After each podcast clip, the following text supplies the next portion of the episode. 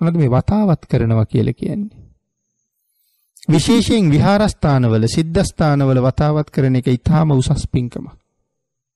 සදහැවත් බෞද්ධයින්ට සිද්ධාස්ථානවලට ගියහම අපිරිසිදු වෙලා තියෙනවා නම් පින්නතුනි එහෙම අපිරිසිදු වෙලා අපිරිසිදුවම දාලා යන්න හිතෙන්නේ ශ්‍රද්ධාවන්තයන්ට. ආසනවල මල් පර වෙලා නම් ඉවත් කරලා බුදු මැදුර චෛත්‍ය මළුව බෝ මළුව ඇමදලා නැත්තම් ඇමදලා කොළරොඩු අරන් දාලා කසල ඉවත් කරලා මනාව පිරිසිදු කරාම මහත් ආනිසංස රාශියක් ලැබෙනවා. සඳහන් කරනවානේ සකචිත්තං පසීදති. තමන්ගේ හිත පහදිනවා. පරචිත්තං පසීදති අනුන්ගේ හිත පහදවනවා. ඒ විතරක් නෙමෙයි දෙවියොත් සතුටු වෙනවා. තවද සඳහන් කරනවා රූප ස්වභාවයේද වැඩි වෙනවා. මනානුවණක් ලැබෙනවා. ඇමදීමෙන් ලැබෙන ආනිසංස. ඊට අමතරව හොරි රෝග, කබර රෝග, ගෙඩි, කුෂ්ඨ, පිළිකා මේ ආදි වශයෙන් රෝග ගණනාවක සුවය සඳහා මතු භවවල නොවැළඳීම සඳහා මේ මලුපෙත් මං අමදින එක ඊටාම විශිෂ්ට පින්කමක්. ඒ නිසා ඔබත් ඉඩ කඩ ලද හැම මොහොතකම ගිහිල්ලා මලුව ඇමදලා එන්න. විහාරස්ථානයට ගිය වෙලාවට වන්දනා මාන ආදීට පින්කම් සඳහා අපිරිසිදු වෙලා තියෙනවා නම් ඒ දැක්ක ගමන් අමදින්න.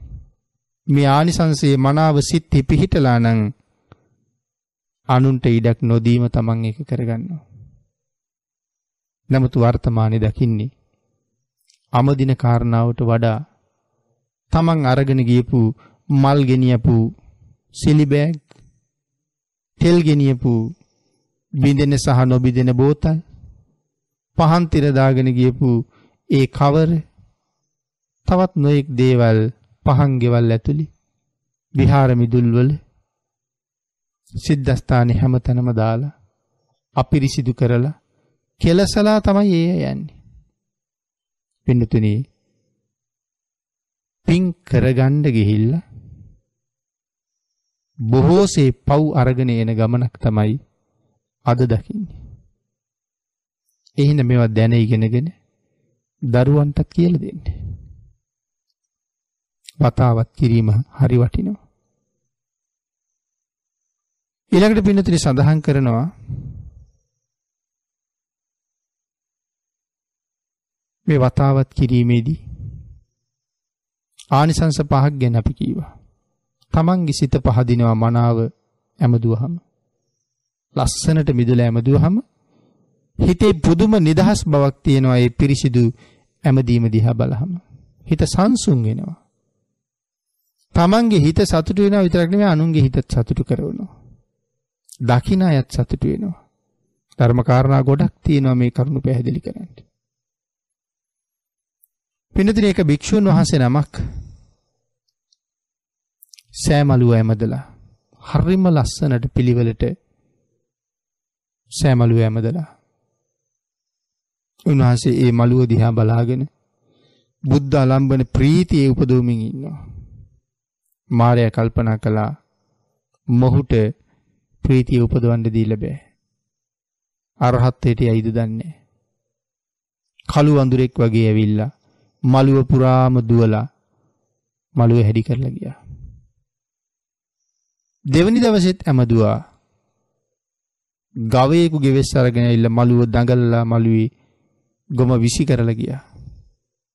තුන්වෙනි දවසෙත් ඇමදුවා. කකුල් දෙකම කොර වෙච්ච පුජ්‍යලයක ඇවිල්ලා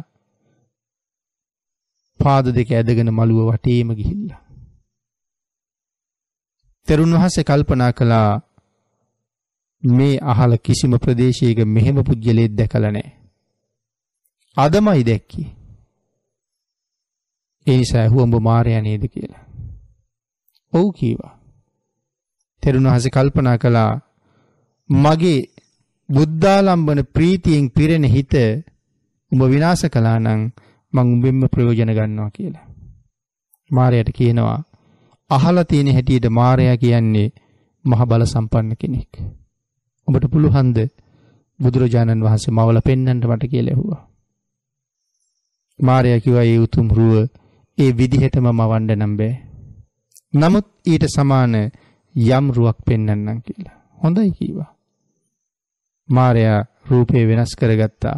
බුදුරුවට සමානව. මහතෙරුන් වහන්සේ කල්පනා කළා.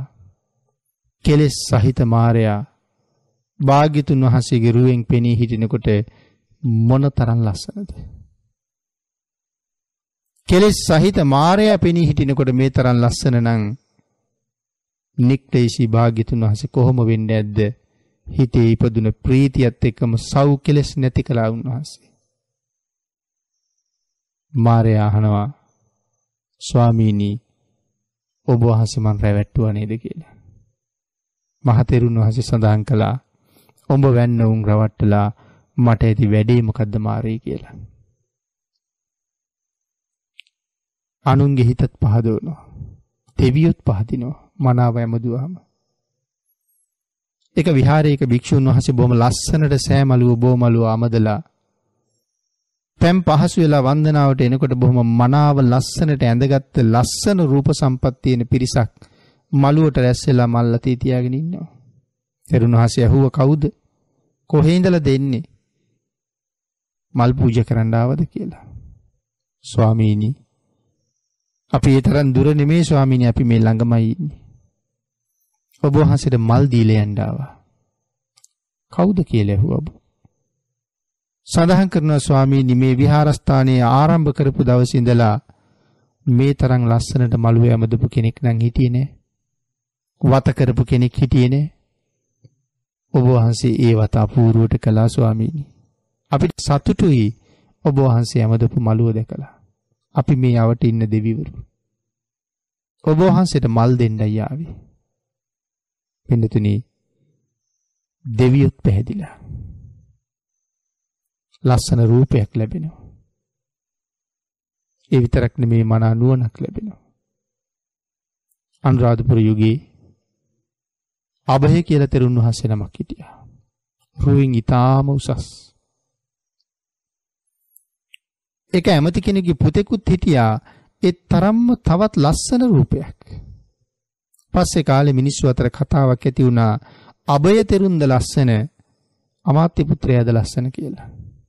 දෙන්නගෙන් කවුද වැඩිපුර ලස්සන බලන්ඩ දෙන්නම එක තැන් තියලා බලන්න ඕනේ. ඉතින් ඒකට මේ අය උපායක් හැදුවා. අබේ තෙරුන් වහන්සේට පණිවිඩයක් කෙරියා. අහවල් දවසේ මහසෑය වන්දනා කරන්න වඩින්න කියලා. අබේ තෙරුන් වහන්සේගේ අම්මා ලස්සන චීවරයක් මහලා යවුවා. මේ සිවුරත් පොරවගෙනම වඩින්න කියලා. අමාත්‍ය පුත්‍රයාත් වටිනා ඇඳුම් වලින් ආභරණ වලින් සරසගෙන එක්කරගෙන ගියා. අමාත්‍ය පුත්‍රයා ඇතුළු ඥාති පිරිස පශ්චිම ద్వාරයෙන් ඇතුල් වුණා. මහතෙරුන් වහන්සේත් සංඝ පිරිසත් සමග මහසෑ මළුවට ඇතුල් වුණා. පින්නතුනි තෙරුන් වහන්සේත් අමාත්‍ය පුත්‍රයාත් සෑමලුවේදී එක තැනක එකට මුණ ගැහුණා. තෙරුන් වහන්සේ හිත දියුණු කෙනෙක්. උන්වහන්සේ අමාත්‍ය පුත්‍රයාගෙන් අහනවා මහලු භික්ෂුවක් ඇමදපු මළුවේ රොඩු ටික අයින් කරලා මගෙත් එක තරඟ කරන්න හදනවද කියලා. මොකද්ද මේ කතාව? පෙර භවයක අබේතරුන් වහන්සේ මහ තෙර නමක්මයි. අමාත්‍ය පුත්‍රයා එදා කාලේ උසස් ගුණ තියෙන උපාසක මහත්තයෙක්. තෙරුන් වහන්සේ ඇමදපු මළුවේ රොඩු ටික අයින් කරපු කෙනා තමයි මේ අමාත්‍ය පුත්‍රයා. ඒකයි අහන්නේ මහලු තෙරුන් ඇමදපු මළුවේ රොඩු අයින් කරලා මාත් එක්ක තරඟ කරන්න එනවද කියලා. රුව ගුණ දියුණු වෙනවා. මේ වතාවත් කරාම. නුවණ වැඩෙනවට එක උදාහරණයක් මිලිඳු නාගසේන කතාව.